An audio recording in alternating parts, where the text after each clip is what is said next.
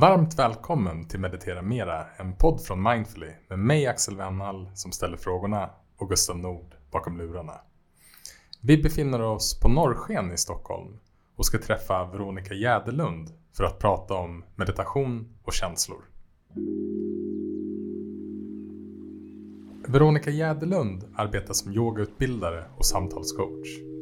Hon har en examen i folkhälsovetenskap med inriktning socialpsykologi och samtalscoachning samt håller på att ta en kandidatexamen i psykologi. Hon har fördjupat sig inom psykofysiologi och stress med fokus på vad som orsakar den, vad som händer i kroppen och hur vi med rörelse kan hantera den. Det har i sin tur lett till att hon har skrivit boken Yoga för mindre stress, mer energi och bättre sömn tillsammans med Maja Lund. Veronica har också lett grupper och individer inom träning och hälsa sedan 2007 och utbildat yogalärare sedan 2016. I vårt samtal ska vi prata om meditation och känslor. Hur kan vi lära oss att vara med våra känslor på ett klokare sätt? Varför kallar vi vissa känslor negativa och andra positiva?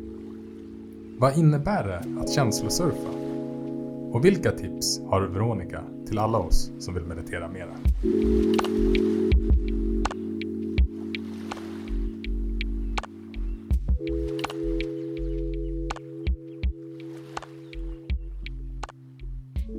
Hej Veronica, välkommen hit. Hej Axel, tack så mycket. Du och jag ska ju utforska ämnet känslor idag. Mm. Men innan vi sätter igång så brukar vi i podden alltid börja med en kort landningsmeditation.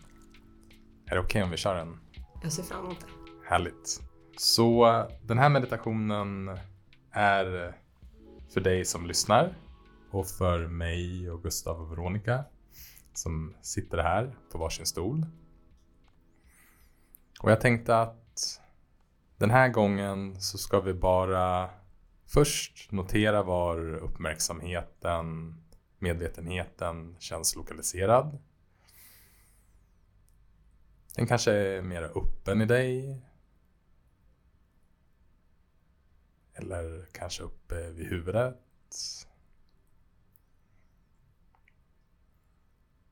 Och sen flytta uppmärksamheten så att du känner och upplever ditt naturliga andetag.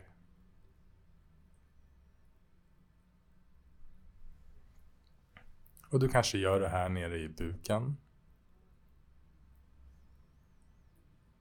Vid bröstkorgen. Eller känner hur luften strömmar in och ur genom näsborrarna. Eller så kanske du känner hela kroppen andas. Och bara tillåt ditt andetag att vara precis som det är.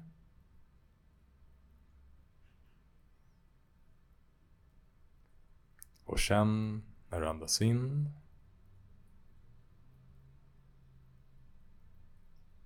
och när du andas ut.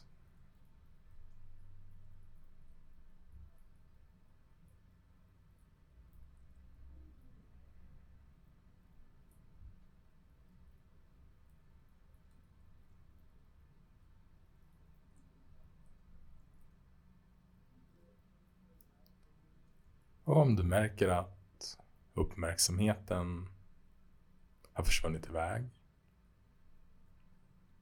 att du på ett sätt glömt bort att uppleva ditt andetag. Så bara vänd tillbaka din medvetenhet till ditt andetag utan ansträngning, utan anspänning. Och bara upplev hur din kropp andas åt dig när du andas in och när du andas ut.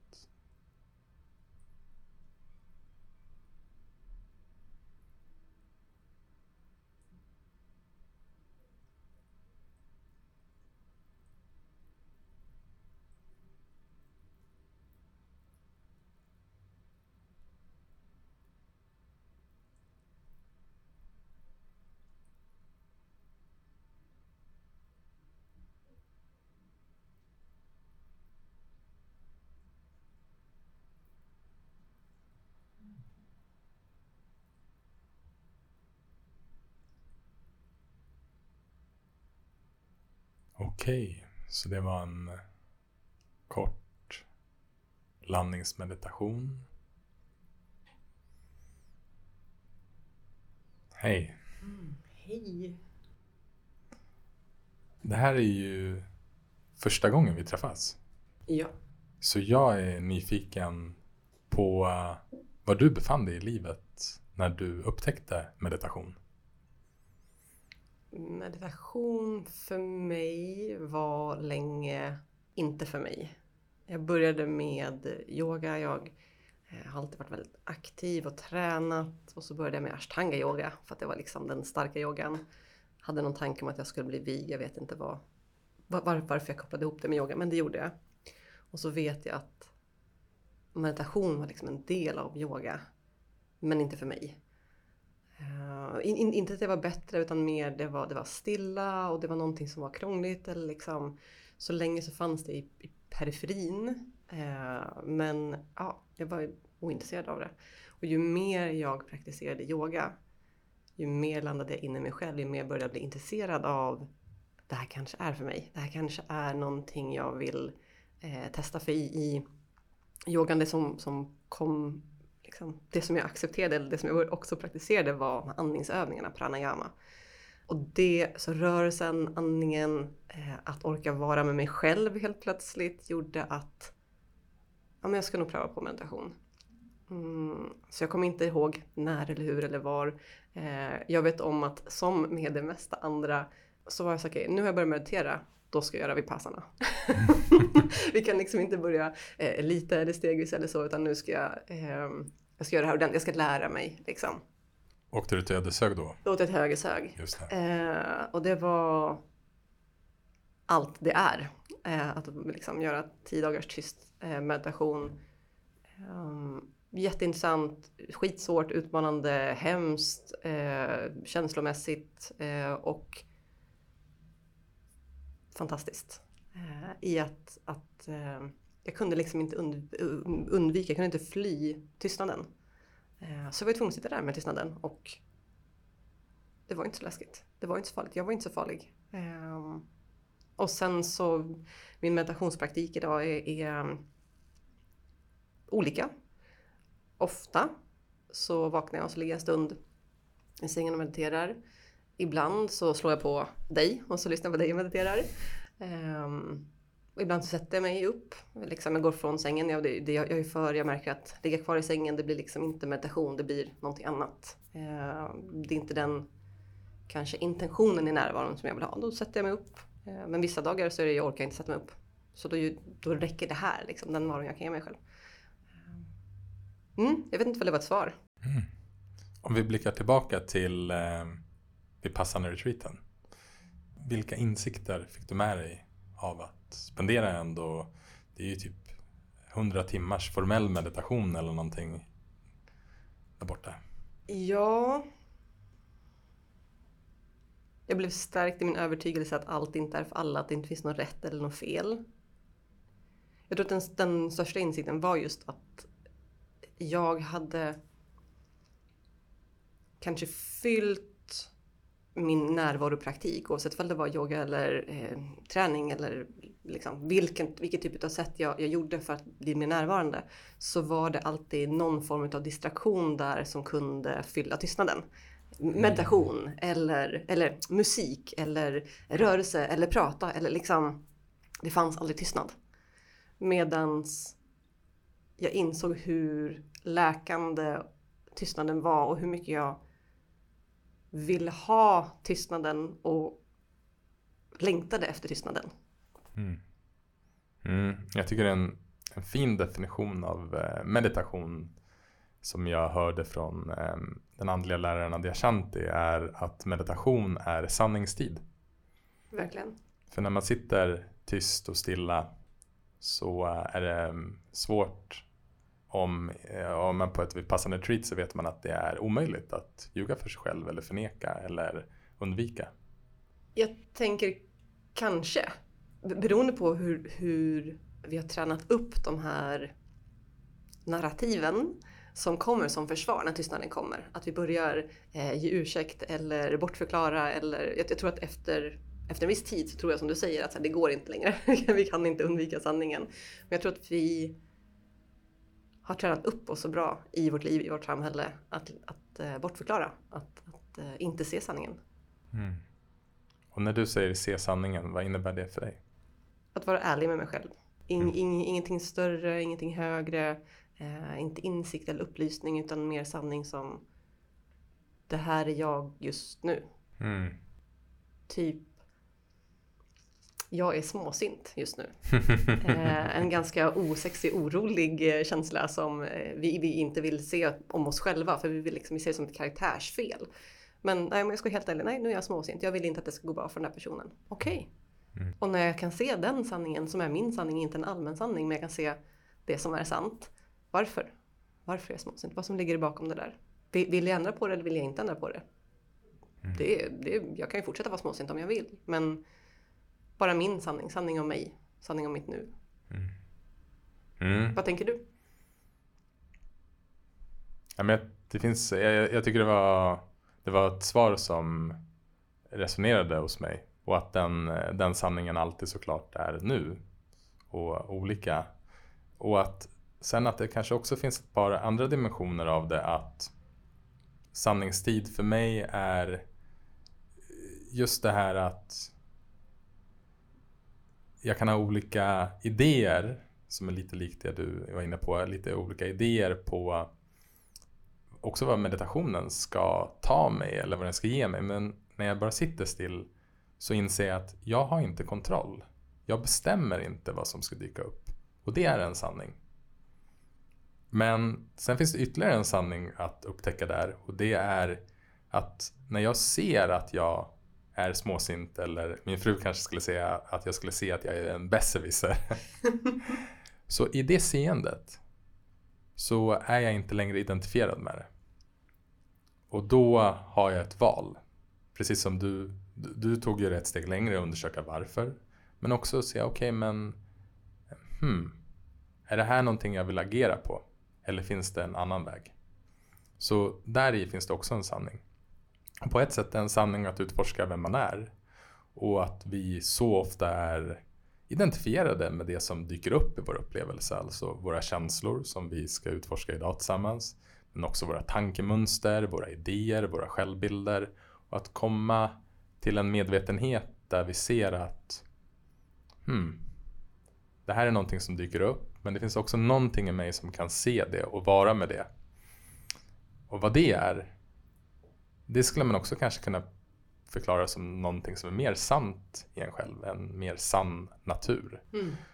Och jag tror att det som jag fick med mig från när jag var i Ödeshög var just att se det obeständiga i alla upplevelser. Så att det fanns ett ifrågasättande kring att, och det var faktiskt framförallt mina fysiska förnimmelser. Men att se att det som uppstår tenderar hela tiden att förändras och sen också försvinna det verkar också vara en, en sanning i det i verkligheten helt enkelt. Om vi tittar på vetenskapen eller, eller liksom kroppen, fysiologin, vad vi nu ska göra, psykologin, eh, så är ju det också en, en, en sanning. Och nu, nu, jag tycker om att vi kommer överens om saker innan vi liksom går vidare. När vi säger sanning så menar vi inte det här är en universell sanning. Eller jag menar inte att det här är en universell sanning som alla ska anpassa sig efter. Utan det är mer vad man har sett för många. Eller liksom, må, många kanske upplever det här, många kanske upplever det som sant. Men när du säger att det är övergående. Att en av de sakerna som gör att vi undviker känslor. Det är rädslan av att det här inte kommer att gå över. Det mm. är känslan av att jag, jag kommer förlora mig i det här svarta hålet. Jag kommer inte ta mig upp och tar mig upp så kommer jag vara eh, försvagad. Jag vet inte hur jag ska hantera det här. Att det här är liksom aldrig övergående. Men tittar vi på de fysiologiska responserna i kroppen så går allting över. Så this too shall pass. Ja, en sanning på så många olika sätt och det gäller också de fysiologiska förnimmelserna som är kopplade till våra känslor. Det här kommer gå över. Den här outhärdliga känslan kopplad till sorg kommer att gå över. Det kanske tar längre tid för den känslan att passera, den intensiteten att passera än Oj, jag blev glad, jag såg en liten groda. Liksom. Mm. Den intensiteten försvinner ganska snabbt. Den, den vågen sköljer ut ganska snabbt. Så jag ser det också som en av mina sanningar, upplevda sanningar och baserade i, eller backade i vetenskapen att det kommer gå över. Mm. Och just det här med hur vi kan vara med våra känslor vill jag verkligen djupdyka i vårt samtal med dig. Men kanske först bara, vad fick dig att intressera dig så mycket för känslor? Känslan att alla mina känslor alltid var fel och aldrig okej. Okay. Mm. Eh, jag är en känslomänniska. Jag tänkte, jag tänkte på vägen hit att när jag var, när jag gick i skolan, jag var liksom inte en, jag älskar mig som vuxen, jag älskar mig själv och när jag tittar tillbaks på, på lilla Veronica, vilken cool unge jag var.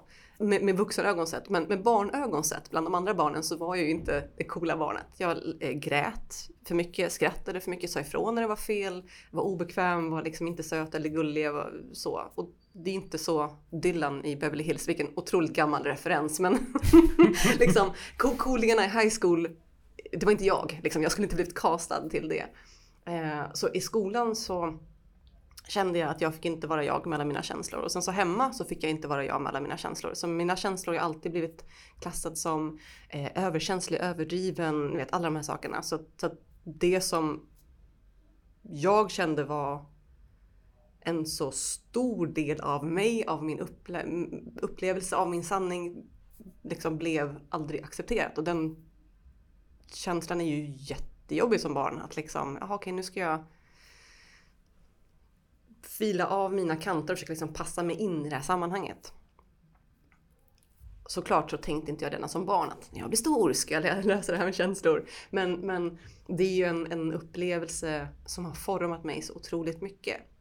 Och parallellt med det, liksom vad som tog över sen var att jag eh, som typ 17-åring gick min första gruppträningsutbildning. Då började jag hålla aerobik och step up och kroppen är ju fantastisk.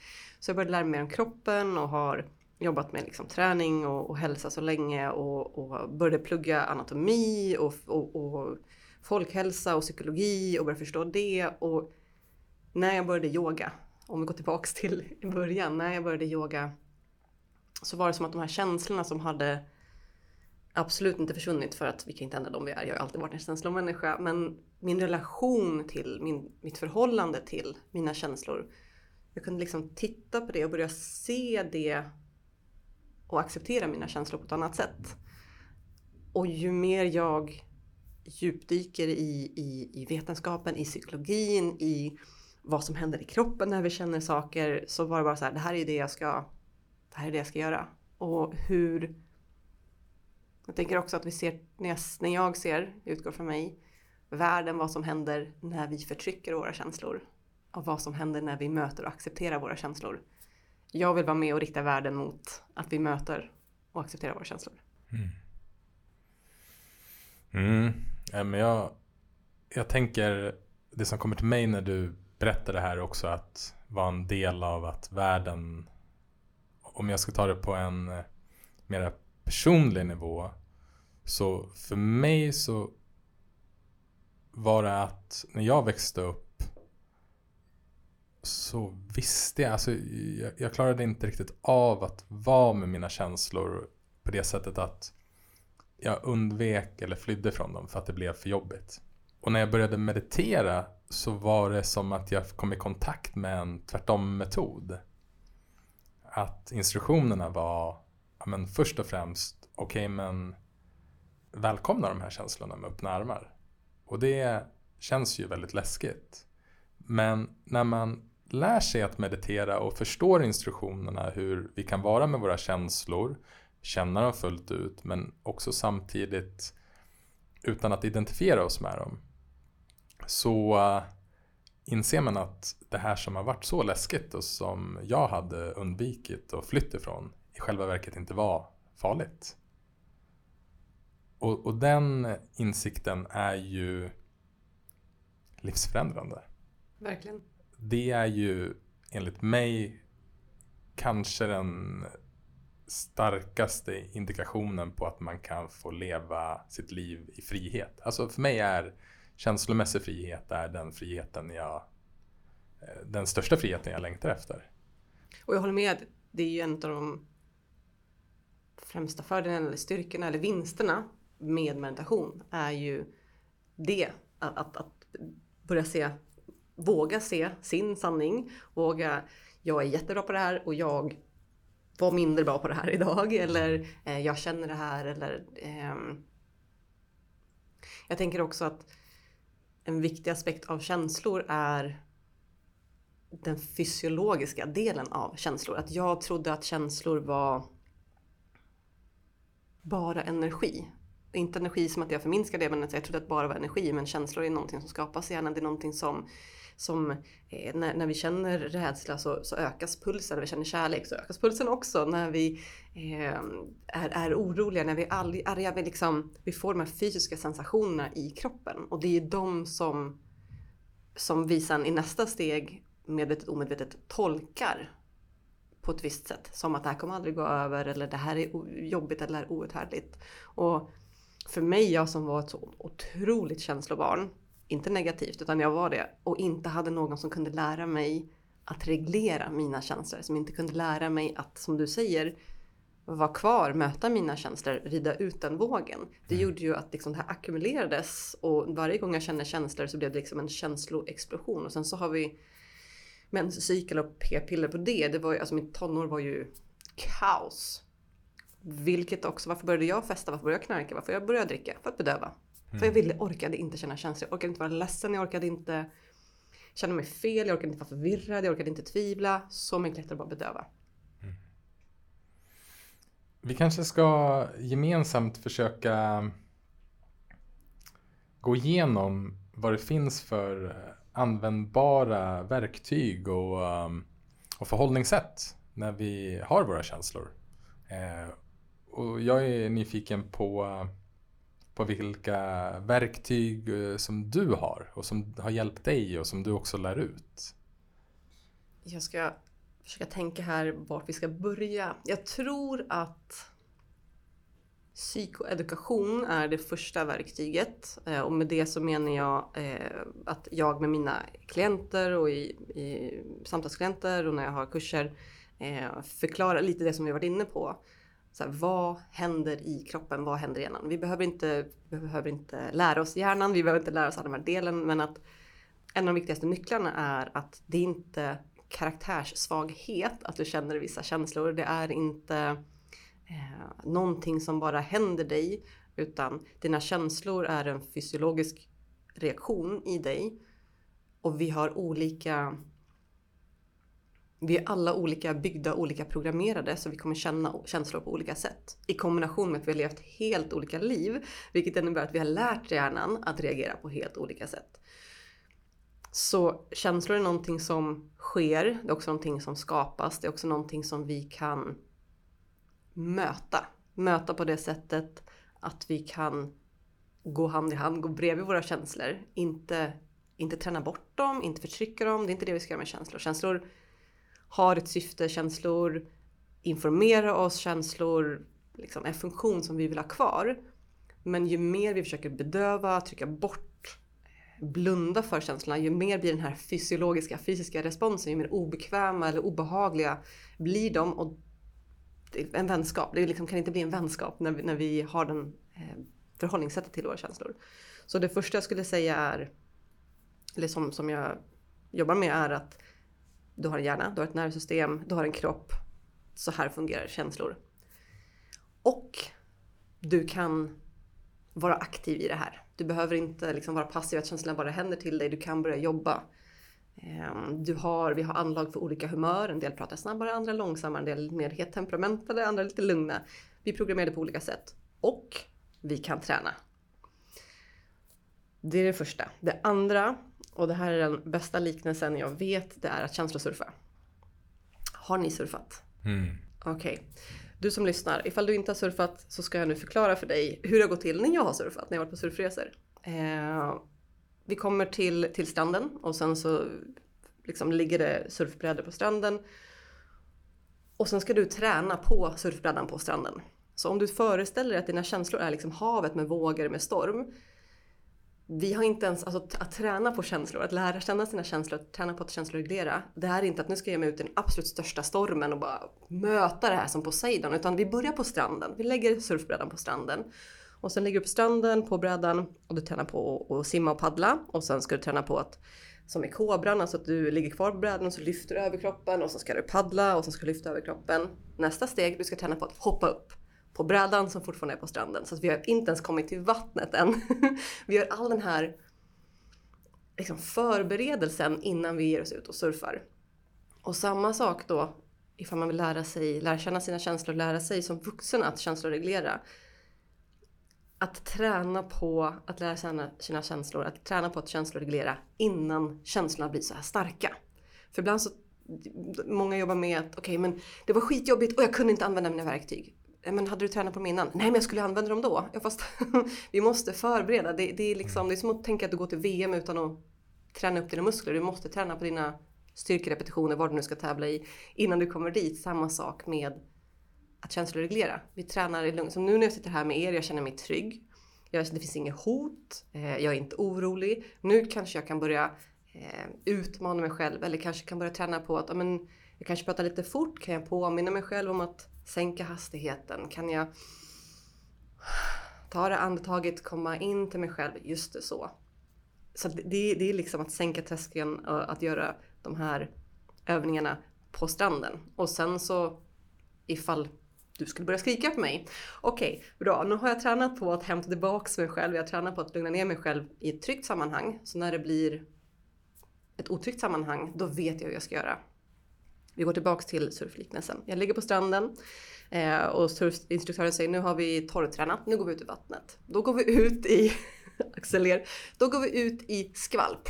Vi går inte ut i fem meters vågor, vi går ut i skvalp.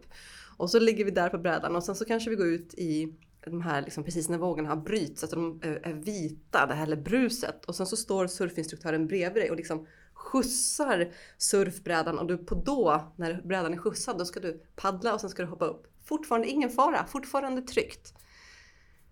Jag var i Portugal eh, och skulle surfa, då hade jag varit på en eller två surfresor innan. Och så höll instruktören oss i det här skvalpiga, det brusiga och jag lite hybris. Nu, nu kan jag det här, jag kan surfa. Så ger jag mig ut liksom dit de andra surfar på obrutna vågor. Ehm, och sitter där och helt plötsligt så kommer det en våg och den känns som att den är 20 meter hög. Den är inte det, den kanske är två meter hög men den känns jättestor. Och jag får den här frysreaktionen för att jag, jag, jag, jag kommer bli knockad av den här vågen. Och jag lägger mig inte på brädan, jag surfar inte, jag har glömt allt instruktören har lärt mig och mycket riktigt så blir jag knockad av den här vågen. Slängs under ytan och brädan går åt ett håll och jag åt ett och så har vi en gummisnodd och det bara dras. Jag kommer upp, egot är tilltufsad, jag är tilltufsad, alla lever. Jag går tillbaks till de små brutna vågorna och liksom tränar. Och det, det här är först och främst en fantastisk liknelse om jag får säga så själv. För det andra så är det så talande för hur, hur, vi ska, hur, hur jag rekommenderar ett hållbart arbete med våra känslor. För att en del känslor är de här två metersvågorna som känns som 20 metersvågor. Att om vi bara har rätt teknik så kan vi surfa två metersvågorna. Vi kan... Nu kommer den här känslan och vad jag menar, jag ska förtydliga. Vad jag menar med att surfa på känslovågor är att bli informerad utav emotionen, bli informerad av det jag känner, bli informerad utav de fysiska sensationer jag har. Men inte bli styrd, att inte bli kidnappad och, och reagera utifrån att jag har blivit liksom kidnappad av min känsla. Och ibland, vissa känslor är 20 meter, inte bara verkar, de är 20 meter. Någon, någon nära kanske dör den sorgen som kommer i 20 meter, man är helt förkrossad och, och, eller kanske blivit utmattad, du ligger på soffan, du kan inte röra dig. Du har blivit knockad av en 20 meters våg. Det här kommer hända, vi kan inte träna bort det. Hur mm. duktiga vi än är på att surfa så kommer vissa vågor att krascha oss eller eh, överväldiga oss. Och att känslosurfa är att lära sig hur. Hur ska jag surfa en meters vågen? Hur ska jag surfa 10-20 meters vågen ifall jag liksom, har dem i mitt liv? Eh, hur ska jag göra när jag inte kan surfa? Ska jag, ska jag försöka surfa eller ska jag bara, vet du vad? Jag tar mig härifrån. Nu ser jag att den här vågen kommer. Jag märker att eh, jag har en kollega som triggar mig eller jag har en familjemedlem som triggar mig eller, eh, och jag vet att det här är så som jag brukar reagera. Då kanske jag undviker den känslovågen just nu för att lära mig att hantera mina känslor. För att lära mig hur ska jag möta den här kollegan? Hur ska jag möta min familjemedlem utan att känna alla de här fysiska eh, reaktionerna som gör att min hjärna blockar sig, att jag går in i den delen av hjärnan som, som styr från känslor och inte har kontakt med den hjärnan som kanske är logiskt, som kanske är lugnt, som kanske säger, vet du vad? Axel säger nog inte så här för att han är en rövhatt. Han säger nog så här för att vi har ett missförstånd. Eller för att det har hänt honom någonting. Eller för så. Eller så kanske han är det, vad vet jag. Men hur vill jag reagera? Mm. Och det är det som är, tänker jag också, det viktiga. Att, att våra känslor kommer inte försvinna. Vi kommer alltid ha vågor och stormar på våra hav. Vi kan bli bättre och sämre på att och surfa dem. Och ibland så är det rätt att inte surfa. Ibland så är det rätt att säga hej då vågen, nu går jag undan. För att jag vill bygga upp min, min trygghet, jag vill bygga upp min, min känsla, min relation till mig själv. Jag orkar inte bli knockad nu, för blir jag knockad nu då kommer jag vara utslagen så länge. Mm. Bättre att gå undan och sen så här kommer lite mindre våg, jag tränar på den. Var ditt svar? Nej, men jag, jag är ju, använder ju själv eh, metaforen av att surfa mm. och tycker den är fantastisk. Um, och jag tyckte du hade flera intressanta liknelser i den här och, och det du var inne på slutet här också just det här med att eh, visdom som vi kan öva upp eh, är ju också att se vad, vad har vi kapacitet till? För det tycker jag på något sätt eh, känslosurfa handlar också om att öva upp sin kapacitet och också förstå och lära känna sig själv på det sättet. Att förstå, okay, men vad klarar jag av och när behöver jag ta en paus till exempel. Och meditation är ju precis det du beskriver. Det är hela den här processen. För det, vi, det är en så himla fin påminnelse att även om det bubblar upp till storm med meditation så är vi på en plats som vi själva valt. Vi är trygga, det är ingenting farligt som händer på riktigt. Och därför är det ett ypperligt tillfälle att öva upp sin kapacitet att vara med sina känslor. Och jag har eh, använt eh, en eh, engelsk akronym som jag har tyckt varit fantastisk för att kunna träna upp min förmåga att surfa på känslor. Jag tänkte vi kanske kan gå igenom mm. den steg för steg. Den består av fyra steg och eh, se hur vi ja, men bägge två förhåller oss till dem. Um, och akronymen kallas RAIN. Eh, en akronym som jag tror eh, myntades av eh, Michelle McDonald, en eh, vipassana lärare och sen har också utvecklats en del av andra meditationslärare. Bland annat eh, amerikanskan eh, eh, Tara Brach. Och eh, R då står för recognize, att upptäcka känslan. Och när jag var inne och läste på din hemsida så skriver du bland annat om ett känslohjul. Och det tänker jag är ju en, eh, en jätte, ett jättefint verktyg för att lära sig att identifiera, okej okay, men vad är det vi faktiskt känner? För det är inte helt lätt. Och eh, en annan gäst som vi har haft i podden och som också är med i appen, Daniel Ek, han, han berättade för mig förut om att han, och jag tror han till och med sagt i ett avsnitt, att när han åkte på, han åkte iväg på två månaders Vipassana retreat. Oj! Ja, och då, du, du, vet ju, uppgiften där är ju att liksom, ja men vara med det som är och kunna vara medveten om det. Men det, i två veckor så kände han att det var någonting som skavde. Men han kunde liksom inte förstå vad det var. Och sen till slut satte han sig ner och okej, okay, men nu måste jag bara se, jag måste möta det här. Och det var ensamhet. Mm. Och när han kunde vara med ensamheten så försvann skavet det var fortfarande smärtsamt för han hade ensamhet. Men det var mycket lättare. Och det som jag tycker är så fint med att han, när han delade med sig av den berättelsen, är bara att också förstå att trots att man är på en plats som är helt skapad för att man ska lära känna sina känslor, så är det svårt att veta vad man känner ibland. Om jag får hoppa in innan vi går vidare till A. Mm, gärna. Så finns det en forskare, Dr. Lisa Feldman Barrett. Och hon pratar om emotionell granularitet. Eh, och det är finkorrighet. Hur, hur, på vilken detaljrikedomsnivå kan du urskilja dina känslor från varandra? Jag ser framför mig som eh, M&M's eller Smarties. Att ifall, när jag har den här känslostormen och jag känner massa, massa olika saker. Det är helt omöjligt för mig att, att liksom kalibrera kompassen och ta riktning. Men om jag kan börja, okej okay, här, jag sorterar alla blåa i den högen, alla röda i den, alla gula. Det är som ett nysta. jag kan liksom nysta ur det här så kan jag se Okej, okay, jag känner ensamhet, jag känner oro. Jag tänker den tiden som vi är nu. Det är ekonomisk oro, det är eh, liksom alla de här olika sakerna. Massa olika saker. När jag kan identifiera, när jag kan träna upp min emotionella granularitet så kan jag i den här sanningen, sanningstillståndet, så kan jag också namnge dem och hon pratar också om vikten av att kunna namnge och kunna namnge rätt. För att när vi har namngett vår känsla så påverkar det hur vi förhåller oss till det.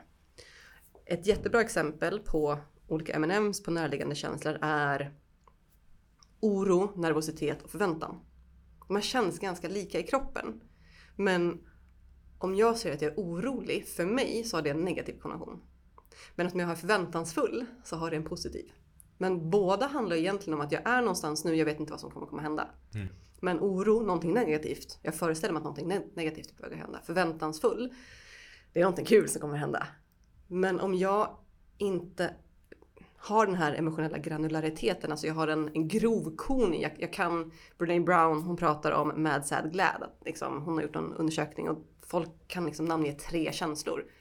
Mad, alltså det är ganska många känslor under ilska mm. som, som, som påverkar hur jag förhåller mig till den här ilskan. Eh, glad, vad, vi har glädje, vi har förtjusning, vi har tillit, vi har tillfreds, vi har samhörighet. Vad, vad betyder alla de här sakerna? Så för att kunna erkänna, för att kunna R, för att kunna recognize um, så, så har just att namnge saker har visats kunna äh, påverka vår, vår, vårt mående och vår förmåga att vara kvar med våra känslor. Mm. För när i det här sanningstillståndet, när jag kan namnge det, då kan jag också välja det som kommer sen in. Vi fortsätter. Mm, nej, men det som kommer till mig när du säger just det och som jag också tänkte på är uttrycket name it to tame it. Som är ju en annan typ av beskrivning av det du berättar nu. Och att ja men eh, verkligen att se på det här som en upptäcktsfärd. Mm. Det är så himla viktigt att, så här, ja, men, ha med sig den nyfikenheten. Verkligen. Och om vi går vidare då till art så skulle det kunna vara accept, men jag gillar ordet allow bättre. Mm. För att tillåtelse är ett mjukare ord och det indikerar också att vi behöver inte göra någonting. Utan det enda vi inom situationstecken behöver göra är att sluta vara emot det som redan är. Att se gång på gång vilken galenskap det är. och som vi alla människor delar.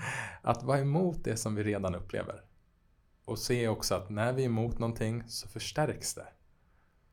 Så jag gillar ordet tillåtelse för det är lite mjukare. Det får mig, det får mig att själv att säga, just det. Jag behöver inte göra någonting utan bara allt är redan som det är.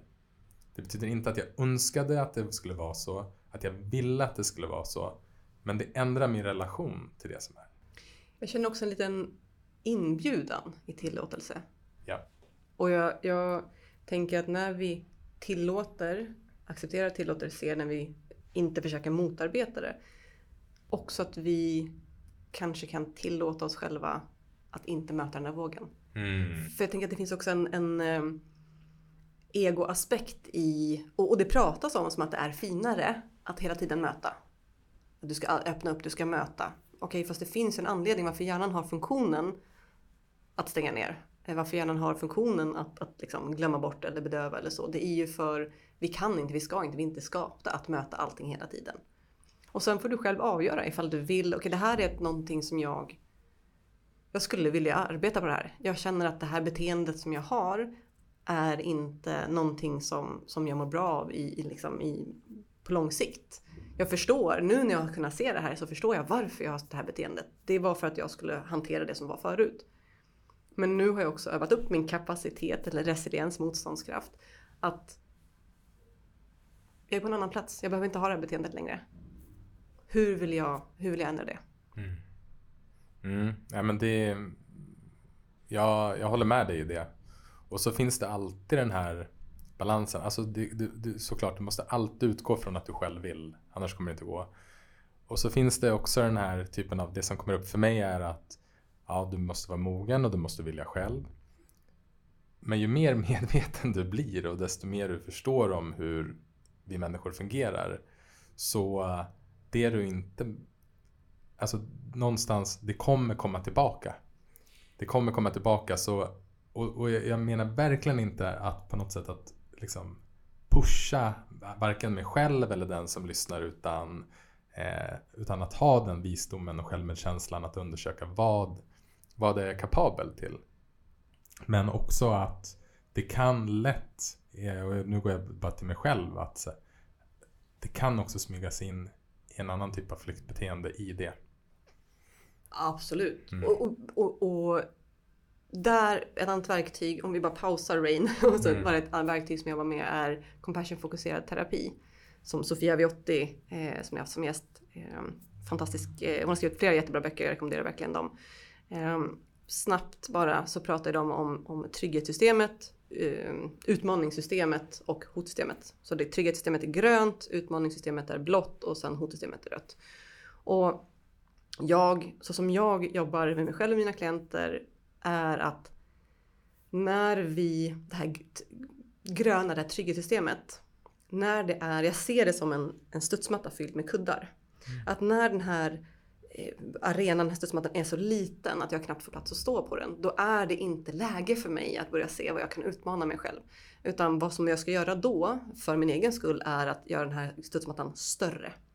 Och varför jag ser det framför mig som en studsmatta, det är att när den här vågen kommer och sköljer över mig, så liksom kastas jag bak och så studs så kommer jag upp. Och här är en massa gröna kuddar så ganska mysigt när jag kommer ner och så tar jag mig upp. Men är studsmattan liten, eh, har jag inte arbetat upp mitt trygghetssystem så finns det ingenting som tar emot mig. Då måste jag liksom kämpa mig upp jättemycket. Och då är det det jag minns, att när jag utmanar mig själv så kostar det för mycket. När jag, när jag rör mig utanför det som jag känner är tryggt eh, så får jag sota för det.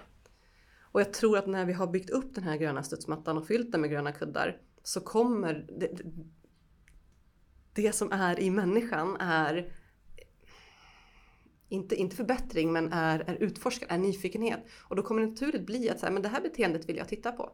Så jag tror inte att, att vi... Jag tror att med meditation, med en medveten närvaro och med det här sanningstillståndet så kommer den gröna studsmattan att bli större. Mm. Fler kuddar och jag kommer naturligt själv vilja titta på, för jag kommer säga, vet du vad? Nu var jag en rövhatt. Varför var jag det? Mm. Och sen så, okej, okay, men då vill jag, det här är någonting jag vill, även fast det känns jobbigt och, och ocharmigt och i ett ljus som jag inte vill vara.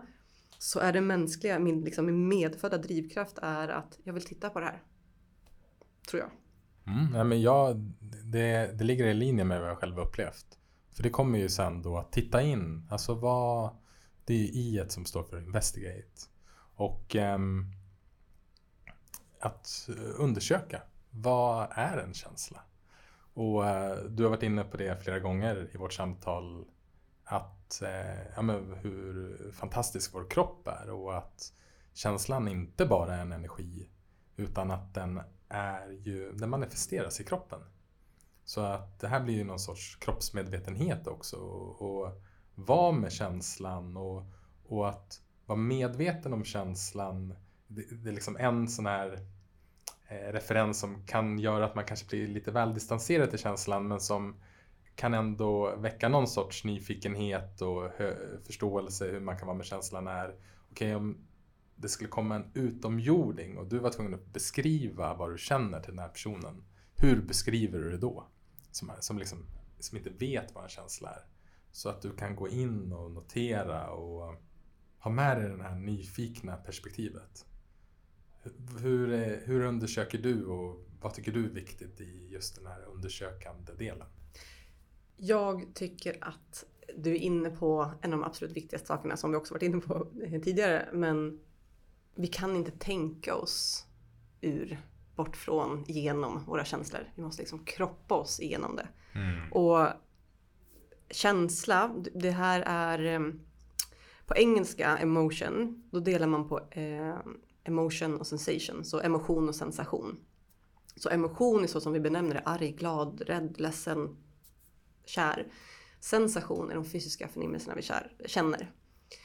Så känsla är båda de här. Vi kan, vi kan inte, när vi känner känslor, vi känner känslor. Vi kan inte känna känslor utan kroppen.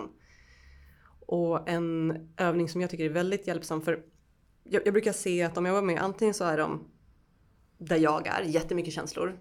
Starka känslor, mycket, M&M-påsen är helt blandad, man vet inte vad man känner och helt förlorad i stormen. Eller så är det de som tycker att de inte känner någonting. Och där att så här, nu ska du börja jobba med känslohjulet. Nej, det är liksom, de, de är inte vid känslohjulet. Där jobbar jag med en övning sensationsmedvetenhet. på engelska felt sense, så jag tror att det är Peter Levine som har grundat Somatic Experiencing som har gjort den här övningen. Och om du tar upp någonting, nu har vi ett eh, post-it, eh, nu kanske det låter lite på podden, men vi har en, en, en post-it-lappshög eh, här. Om jag glömmer bort ordet post-it-lapp, om jag ska då använda fältsens, så tycker jag om att blunda, eh, så ska jag liksom för att träna upp min förmåga, min granularitet, min förmåga att benämna det här, så tar jag, jag drar mina händer, det är kantigt, det är slätt, det är, här var det lite skrovligt, Du kan dela på det, det är smalt, det är tunt. Så det här är olika sätt att pausa den här autopiloten vi har att benämna saker som någonting och att gå via, via kroppen för jag känner för att berika mitt, mitt vokabulär i, i att benämna det som händer i kroppen. Så är man... Känner man att så här, jag känner inte min kropp. Jag är en sån som inte känner mina känslor, jag känner inte min kropp. Okej, okay, men då, vi väntar med kroppen. Vi börjar utanför oss. För det blir också här som du pratar om Axel, distansen. Att när jag kan få distans så blir det lättare att se. Så kan jag då ta någonting bredvid mig eller kanske titta på eh, lampan och för mig själv högt eller tyst beskriva lampan eller det jag ser utanför mig. Så börjar jag träna upp min förmåga att sätta ord på, men någonting som inte är så laddat för mig. Och när jag tränat upp den förmågan då kan jag börja gå in. Okej, okay. om vi... Hur känns min rumpa mot stolen? Hur känns mina... Jag har ju så korta taxben så mina fötter nuddar ju knappt golvet. Så okay, men jag har, jag har vikten i tår och framtid foten men hälen är lyft. Hur känns det i mina anklar? Och sen fortfarande är det ju min kropp men jag har inte ens kommit till mina känslor än. Så det är olika sätt att liksom stega sig in till att börja identifiera vad händer i kroppen. Mm. Nu lägger jag ner post-it-lappen. Mm. Nej men eh, det där är väldigt intressant att, att återigen när det kommer till den här typen av övning att alltså kapacitet verkligen se de små framstegen. Ah, okej, okay. nu är det här så. Okej, okay bra framsteg.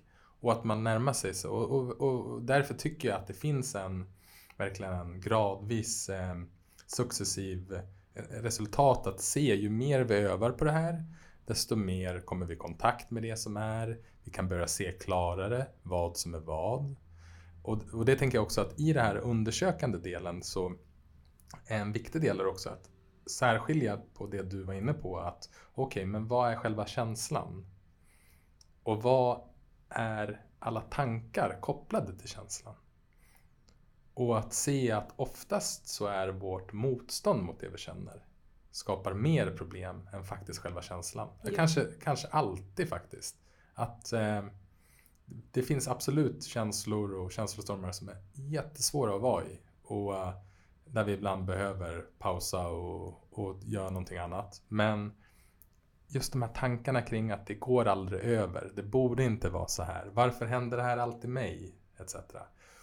Och jag tänkte att en av de grejerna som vi ofta gör är ju också att vi värderar våra känslor. Oh ja. Hur, eh, hur tänker du kring det? Okej, okay, nu ska jag ta ett långt inandetag. Jag tänker, när jag reflekterar och försöker få förståelse för det här, för, för det, det som kommer till mig när du säger så, toxic positivity och spiritual bypassing. Mm. Och på svenska eh, skadlig positivitet och andlig flykt är väl de orden man brukar använda. Platon, vi, nu går vi en bit tillbaks. Innan Platon så var de grekiska och de romerska gudarna var ganska felbara. De liksom klädde ut sig till djur och, och, och våldtog folk och liksom lurade folk och fick döttrar och var otrogna. Eh, Athena, hon var avundsjuk på någon kvinna som gjorde jättefina vävar och då så utmanade hon honom, henne någon battle och sen förvandlade hon henne till en spindel. Men i och med Platon, så han, han och inte bara han, men han också. Eh, att nej men vi har fått den bakfoten. Våra gudar kan inte vara felbara, de är ofelbara. Och eftersom vi är avbildade av våra gudar så är vi också ofelbara. Så redan här, för länge, länge, länge sedan, så började uppfattningen om att moral var kopplad till känslor. Att vi skulle tygla, träna bort känslor för olika anledningar. För att vara bra människor, för att ha god moral, för att vara framgångsrika. Och om vi tittar på lite närmare så USA som vi influeras väldigt mycket av. Som har prosperity gospel, eller gospel of prosperity. Att alla de här stora kyrkorna och, och liksom, de är ju ett väldigt religiöst land. Att om du är en god kristen, om Gud älskar dig, så är du framgångsrik. Så har du pengar så är du lycklig, så är du lyckad. Om Gud inte älskar dig så går det alltså inget bra för dig. Och det hela den här att för, för, att vara en vinnare, för att uppfattas som en vinnare så måste du vara självsäker, vara trygg. En vinnare är, tvivlar inte, är inte arg, inte svartsjuk, en kvinna så. så att vi har väldigt liksom lång historia av att värdera känslor, av att koppla känslor till moral, till karaktärssvaghet.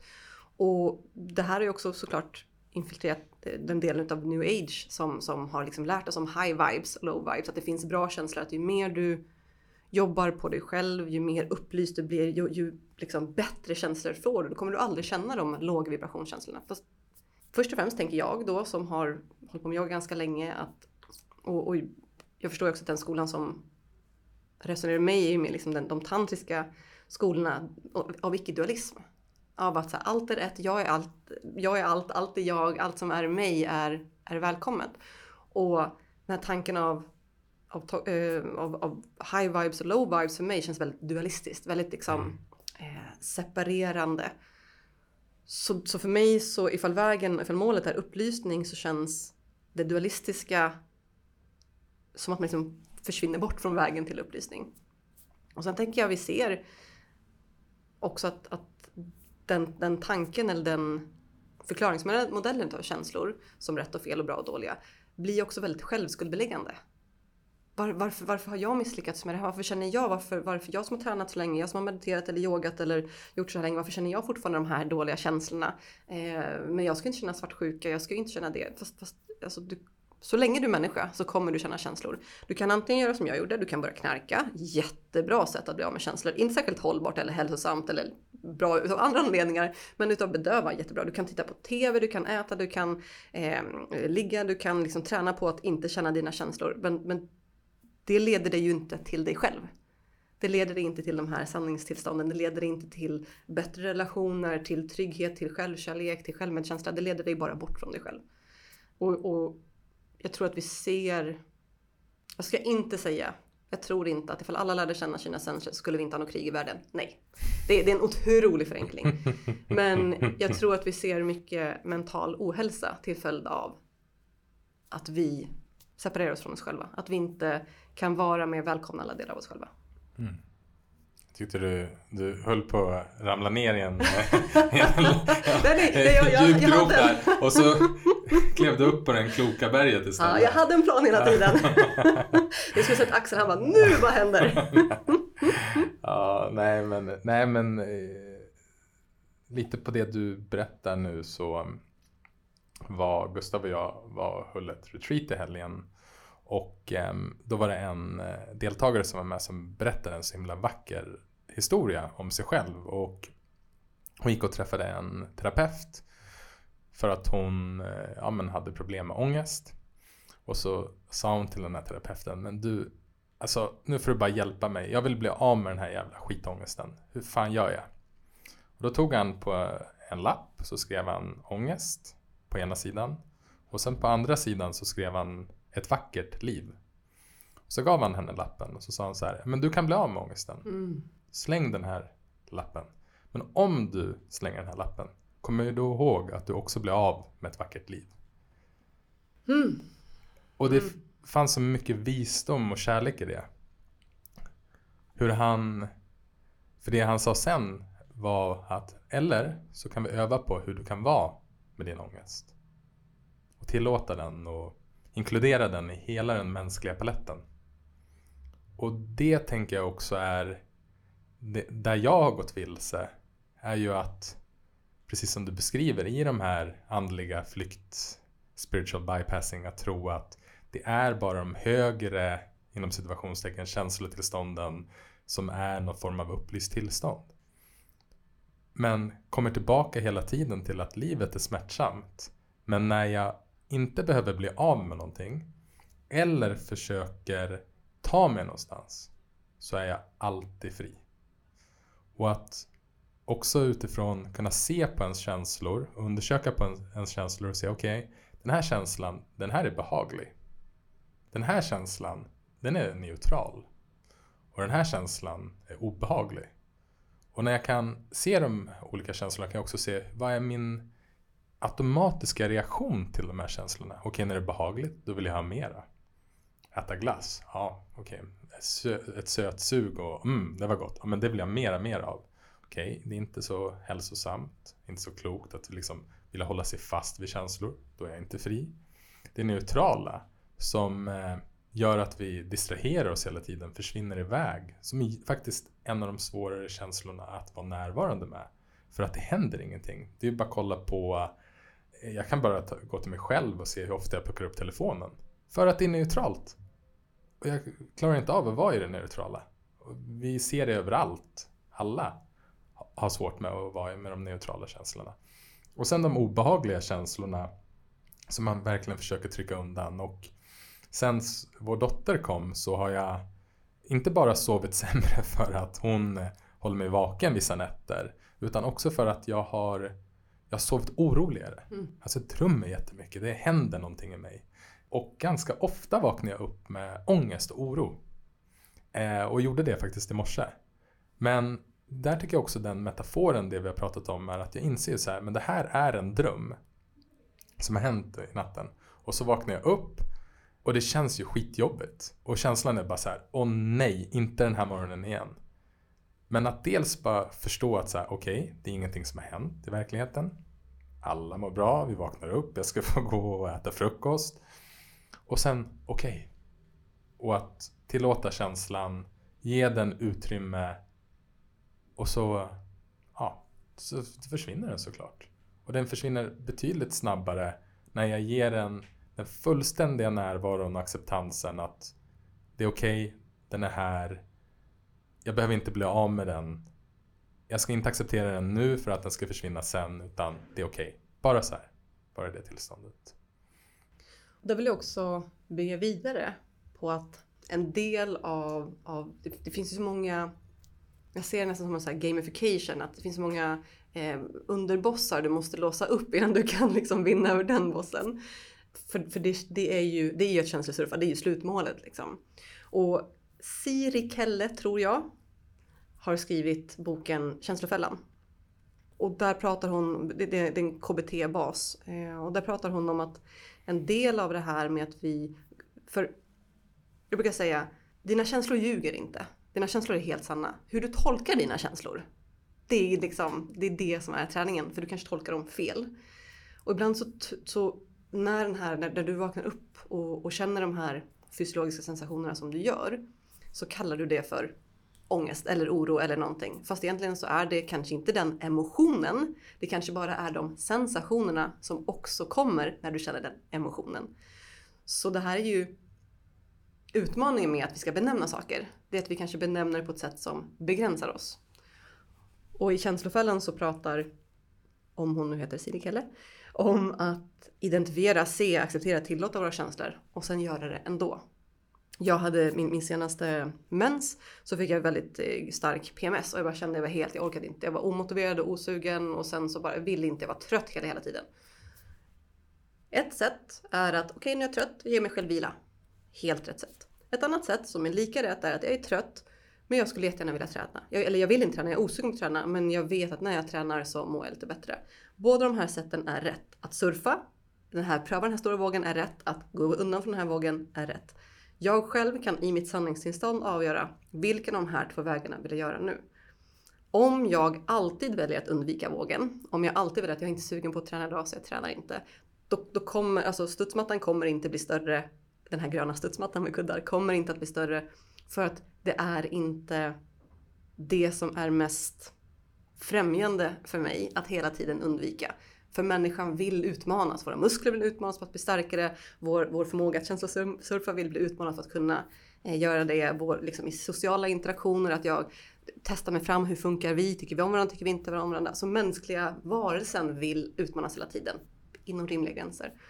Så ifall jag hela tiden tror på så som jag benämner mina fysiska sensationer så kommer min gröna studsmatta inte att växa. Mitt emotionella mående kommer inte att bli bättre. Så det är ju också i det här att lära känna sig själv. Att idag så vaknar jag upp så här. Okej, okay, det blir chips i soffan. Idag vaknar jag upp på exakt samma sätt. Ja, jag går ut och springer. Mm. Det finns liksom ingenting som är konstant. Även här kommer den här sanningen tillbaks. Allting är förändligt. Mm. Mm. Nej men, eh, för det vi också övar upp i den här känslosurfingen är ju ett, ett mod. Mod att kunna möta känslan, mod att kunna vara med känslan. Eh, mod att kunna undersöka känslan och även ett mod i att se okej, okay, men vad vill jag själv? För att utveckling ligger ju också i att möta rädsla och ändå göra det vi själva vill trots att rädslan finns där. Mm. Om vi fortsätter vidare till n Det står ju dels i liksom själva originalet så står det för non-identification. Och det tycker jag är en så himla... Det var ju det som fick mig att verkligen kunna vara med känslorna. Och jag tycker språket här är så intressant att vi med hjälp av språket så identifierar vi oss med det vi känner. Jag är orolig, jag är ledsen.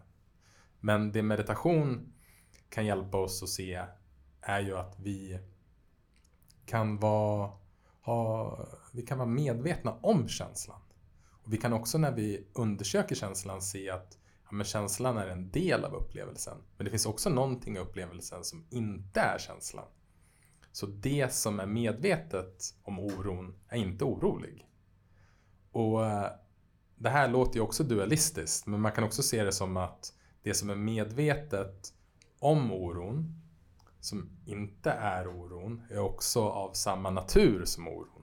Så att eh, det är liksom både och på det sättet om, om vi tar oss till sulfliknelsen så mm. har vi ju stormarna och vågorna och liksom det som är uppe på ytan och sen så har vi går ner i vattnet så är det ju lugnt och tryggt. Exakt. Så de är inte skilda från varandra. Exakt. Vågorna är en del av havet. De är inte åtskilda från varandra. Precis så. Det är en jättefin liknelse på det också. Och att komma till den punkten och se att ja, men den här känslan är någonting, inte som jag är, utan någonting som jag har.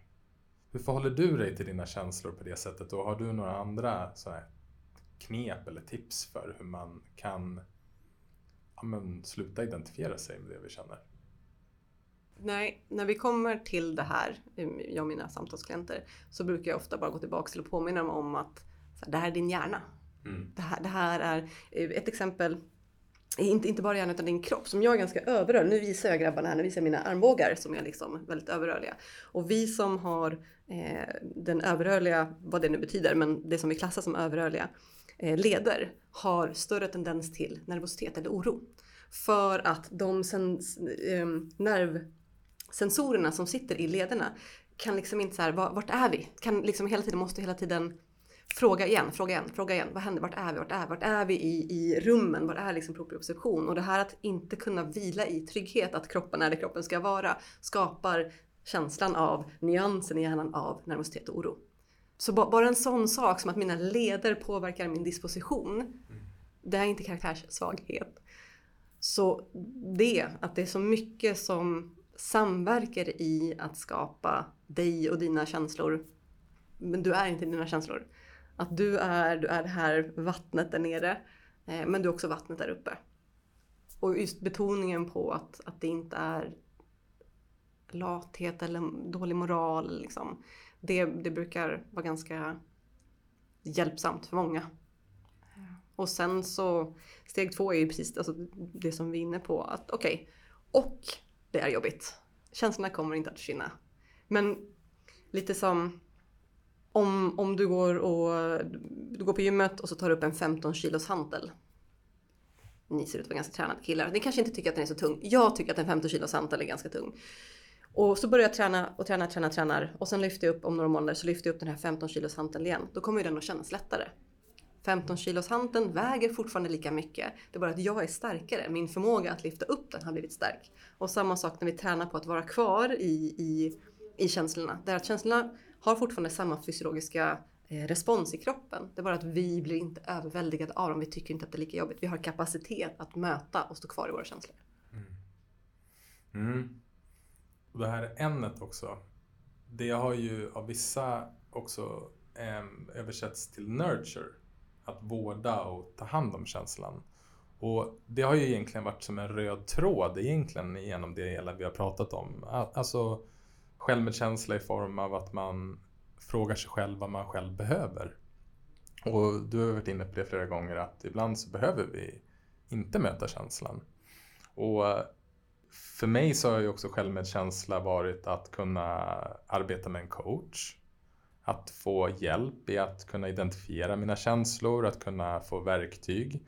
Eh, men det, liksom, det bästa sättet också för mig eh, i självmedkänslan är ju att ta hjälp av vänner, av min familj, att kunna prata om det.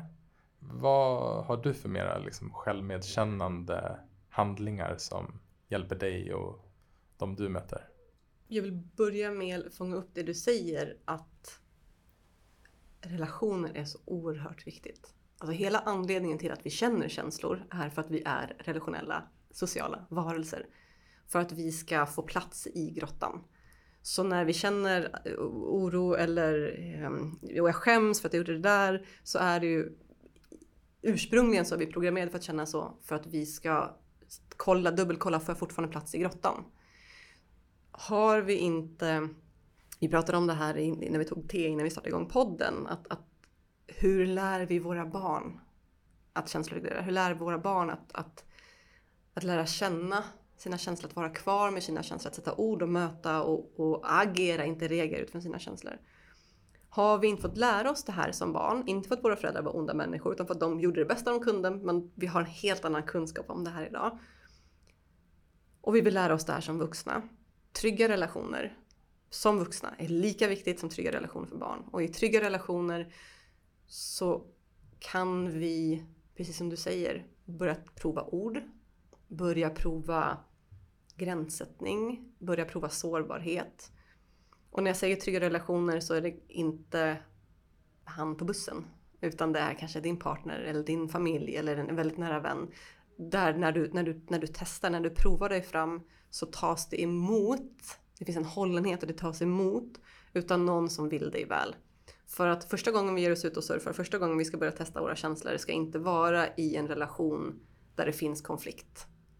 För då, då är det att du går från den gröna studsmattan och så hoppar du över det här blåa utforskarområdet och går direkt till det röda hotsystemet. Och sen går det förmodligen med all sannolikhet inte bra. Eh, och så blir du knockad långt borta, din, din, din gröna trygghetszon. Och måste ta dig tillbaka till trygghetszonen. Så i relationer läker vi. Eh, I relationer så lär vi oss våra känslor. Du hade en fråga. Jag glömde bort den. Nej, men om det, om det var om du hade några mera tips eller användbara verktyg för att kunna koppla på självmedkänslan också. Alltså att vårda och ta hand om känslan. Ja, jag har en betraktningsprismen, eh, kallar jag den. Och det är som en, en triangel och basen på den här triangeln är självklarhet. Att du är självklar som du är. Du behöver inte jag ser, jag ser det, alltså jag älskar liknelsen, stackars lyssnare som ska hänga med alla mina liknelser. Men du vet den här leksaken, eh, barnleksaken och så är det ett utsågad cirkel och en utsågad eh, fyrkant och liksom massa olika former. Och att, att höra till, att vara självklar, det är att alla former finns. Att jag får alltid vara med. Men att passa in, det är att det bara finns en cirkel som ska liksom fila av mig, de här kanterna. Jag ska liksom tvinga in mig i den här cirkeln. Och att, att meditera över, fundera på, reflektera, träna på, välkomna känslan av självklarhet. Att du är du, du är självklar. Du behöver inte vara den coola Dylan i skolan för att få passa in. Du kan få vara, du kan få vara tiger, du kan få vara Nalle Puh, du kan få vara Ior som är deprimerad och fortfarande få vara med. Du kan liksom få, alla får plats. Med den självsnällheten, med den självklarheten. Att sen öppna upp för självmedkänsla. Att jag, den här sanningstillståndet som vi pratar om, att jag nu beter jag mig på ett sätt som jag inte egentligen vill erkänna för mig själv. Och det är helt okej, okay. jag är fortfarande självklar. Mitt, mitt, mitt värde, min plats i, i grottan försvinner inte för att jag har det här beteendet. Jag kan erkänna det här beteendet för mig själv när jag känner mig trygg. Och när jag kan erkänna det här beteendet så kan jag börja kanske investigate att vad, vart kommer beteendet ifrån? Um, har jag möjlighet, har jag kapacitet, har jag vilja av att ändra det eller inte? Och när jag kan ha självklarheten, självmedkänslan, så kan jag också ha självinsikt. Att det här är ett beteende som jag, jag bidrar till den här situationen på det här sättet. När jag har de här tre delarna i beaktningsprismen så kommer information in. Information som kanske bekräftar min världsbild eller information som kanske hotar min världsbild, min självbild. Men om jag går tillbaks till den här gröna mattan, till den här självklarheten Jag går tillbaks till självmedkänsla. Jag är tillräcklig som jag är. Jag får vara kvar i gruppen. Och jag var inte helt ärlig, oh, vilket innebär att det här som har hänt, jag har 10% och kanske till och med 50% av det som har hänt. Um, så, så, det känns också som steg två. Att steg ett är, är liksom, vi vet inte vad, jag, jag, kan inte säga vad steg ett är. För steg ett är liksom ingången till hur hittar vi den här känslan av självklarhet? När, om, om man liksom har levt hela livet och inte känt sig självklar. Mm. Levt hela livet och filat av de här kanterna för att passa in. Var börjar man någonstans? Trygga relationer. Tror jag. Vad tänker du? Ja, just det här vart man börjar någonstans. Men jag tror att många som lyssnar har eh, haft en upplevelse av ehm, Istället för kanske kalla det ett andligt uppvaknande så skulle vi kunna kalla det en stund av klarhet. En stund av klarhet eller en stund av självklarhet. En stund av närvaro och en stund att bara vara sig själv. Där alla idéer och självbilder faller bort. Och bara enkelheten i det här. Och där både börjar vi, lever vi och slutar vi på något sätt. Och att relationer och den relationen har man med sig själv och den relationen vi har med oss själva ofrånkomligen är den viktigaste relationen vi har. Det är den vi har hela livet. Och att samtidigt förstå att jäklar vad mycket fin hjälp vi kan få av våra vänner. Och att är det inte så att så här, de vi kallar våra bästa vänner, de hjälper ju oss att vara oss själva. Det är därför vi tycker de är våra bästa vänner. För vi behöver inte vara, vi behöver inte passa in. De ger oss tillåtelse. Och för mig är tillåtelse ett, ett annat uttryck av kärlek. Det vi tillåter, det älskar vi också på ett sätt. Mm, vad fint. Du, det har varit eh, så intressant att utforska känslor här tillsammans med dig och jag är helt övertygad om att vi hade kunnat hålla på en timme till. Men eh, vi ska snart få meditera med dig. Mm. Men innan dess så har vi en del i podden som kallas Fem snabba. Oj. Ja, exakt. Det är utan, fem snabba utan prestation. Men bara det som kommer upp. Vilka personer, max tre stycken, eh, de kan vara levande eller döda, skulle du vilja bjuda på middag? Min professor Anita Risberg hade henne i stressfysiologi. Fantastiskt smart, kunnig kvinna. Ehm, har forskat mycket på, på stress, på eh, graviditet. Och vi har så olika åsikter i så många olika ämnen. Och det kändes tryggt att, att uttrycka de här olika känslorna under kursens gång. Eh, så jag skulle jättegärna vilja bara ha ännu mer tid att, att eh, få prata och få lyssna och få förstå. För vi har så olika liv och så olika ingångar. Ja, men det räcker. Vi, mm. vi skulle ha fullt upp. Det finns inte plats för någon annan på den middagen. Vilken är din favoritplats på jorden? Jag själv är nog min favoritplats på jorden. När jag hittar den här självklarheten. Jag hittade den här när du ledde oss i, i inledande meditation. Jag kan hitta det. Eh, jag känner det jättestarkt när det börjar, första snön kommer. Då känner jag den självklarheten, den platsen. Så det är nog ingenting utanför mig utan den känns stark i mig. Jag måste göra om den där frågan. Det är, det är intressant. Det är, så många, det är så många som svarar exakt som du gör. Och det, är, och det är jättefint. Det är jättefint. Men det, det är också en så här. Eh, jag brukar alltid skämta med alla non-duality-lärare. Så här, du får inte svara dig själv eller här. utan det måste vara en fysisk plats någonstans.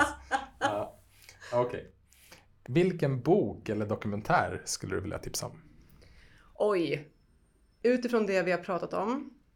How Emotions Are Made av Dr. Lisa Feldman Barrett. Jätteintressant. Och eftersom jag inte kan följa regler tycker man att den, den är på engelska, jag tror att den kanske finns på svenska, men den kanske är lite för vetenskapligt språket. Så finns det en svensk bok som heter Känslor som hinder eller kraft. Eh, och den har också praktiska övningar att träna upp hur känslor reglerar. Vilken är den bästa instruktionen du har tagit emot? Mm, kroppen. Att känna, att tillåta, att välkomna, att vara, ta med kroppen. Sista frågan. Vad är du tacksam för? Jag är tacksam för att trots sömnlösa nätter. Eh, och allt vad det innebär att vara småbarnsförälder så har jag världens coolaste unge och att vi efter jättemånga år försökt få barn äntligen fick barn och att vi, det var Otto vi fick. Mm. Vad fint. Jag kommer lämna över eh, ordet till dig och så ska du få guida oss i en meditation. Varsågod. Mm. Så där du är, du kan sitta, ligga, stå. Ta några andetag, låter dem vägleda uppmärksamheten in i dig.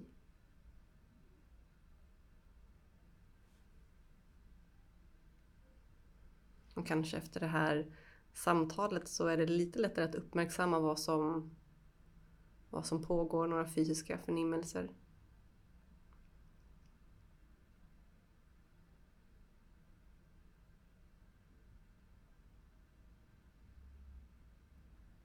Jag tänkte vi skulle pendla. I början handlar om att etablera den här trygga platsen. Så föreställ dig att du antingen är på den här gröna studsmattan eller att du står på en, en balkong eller på en plats där du kan återvända till, där du kan etablera din utgångspunkt.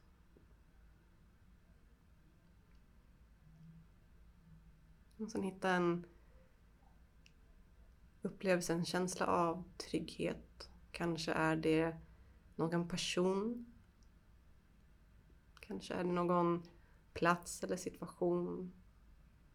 Kanske är det någonting inom dig som du kan koppla an till för att få den här känslan av trygghet.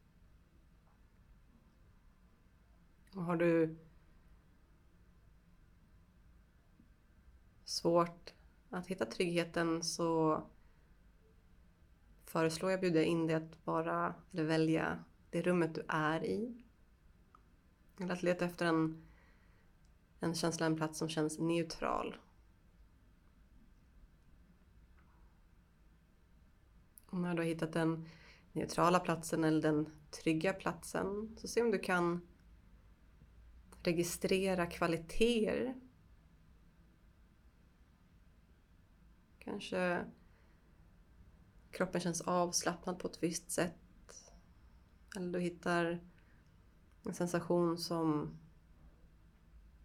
känns på ett visst sätt i magen eller i armarna, i bröstet, i huvudet, i benen. Kanske är det frånvaron av någonting som är tryggt eller neutralt för dig.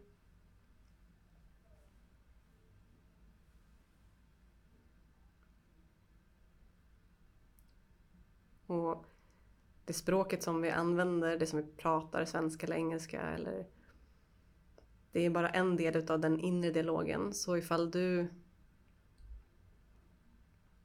när du ska identifiera kvaliteter kopplade till trygghet eller neutralitet. Om du får upp färg och doft, bilder, känslor, minnen. Är det helt i sin ordning?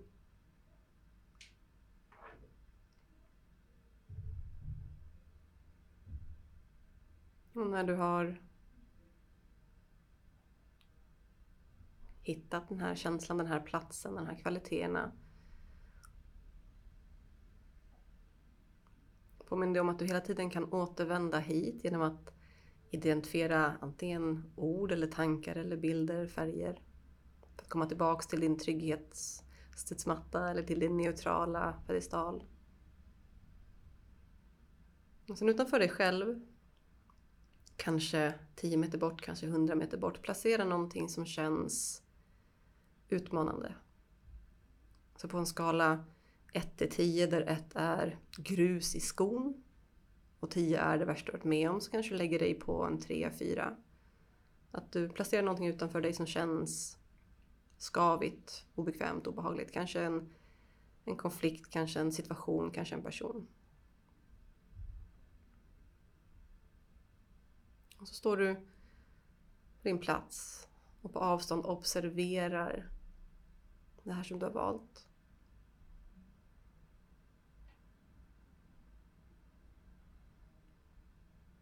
Pendlingen är att du börjar röra dig mot det här som skaver. Så du kanske tar två, tre steg, stannar, checkar in. Kan jag fortfarande känna tryggheten? Kan jag fortfarande känna mig själv? Eller vill jag gå tillbaks till studsmattan för att etablera om den känslan och sen börja röra mig mot det här skavet? Så du rör dig mot skavet och tillbaks till tryggheten. Och kanske går du två steg varje gång, kanske nästa gång så tar du fyra steg eller fem eller sex steg. Att du kommer närmare och närmare skavet och sen går tillbaks till din utgångsposition.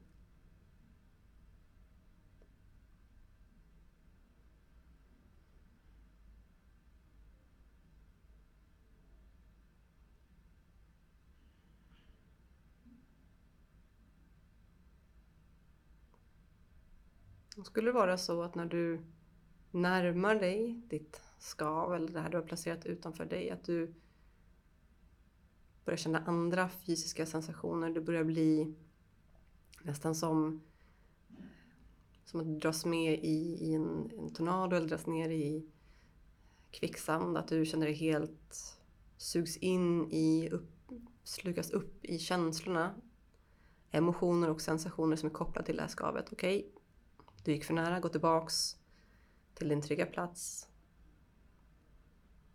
Etablera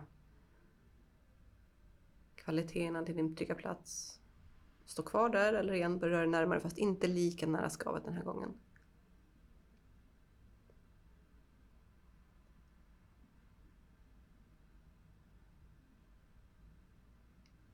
Och kanske är det åt andra hållet att när du kommer fram till skavet, du kanske trodde att du valde en sexa och sen när du kommer fram till skavet så oj, det här var en tvåa. Det här var inte så farligt som jag trodde. Okej. Okay. Stanna med det. Hur det känns.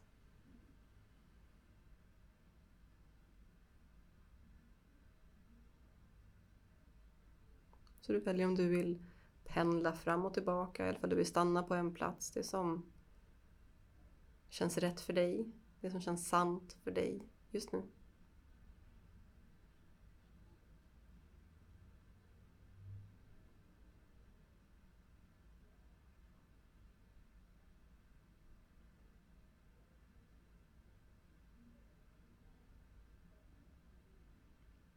Är det så att du slukades med i, i skavet och inte kan hitta tillbaks till din känsla av trygghet så kanske med öppna ögon eller stängda ögon massera dina händer för att grunda i nuet för att på så sätt använda kroppen som ingång för trygghet, för grundning. Kanske vill du stryka armarna eller orientera dig i rummet. Nämna fem saker du ser och på så sätt komma tillbaks till, till neutralitet ifall trygghet känns för långt borta.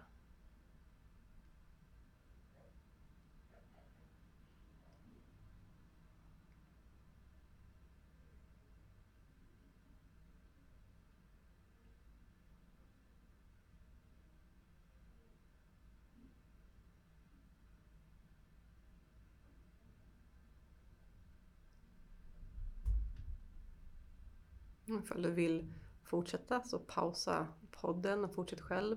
Vi kommer tillsammans här att gå tillbaks till antingen trygghet eller neutral till utgångspunkten för att avsluta i den känslan. Ifall det finns någon annan kvalitet, någon annan känsla som du vill avsluta i så gå till det.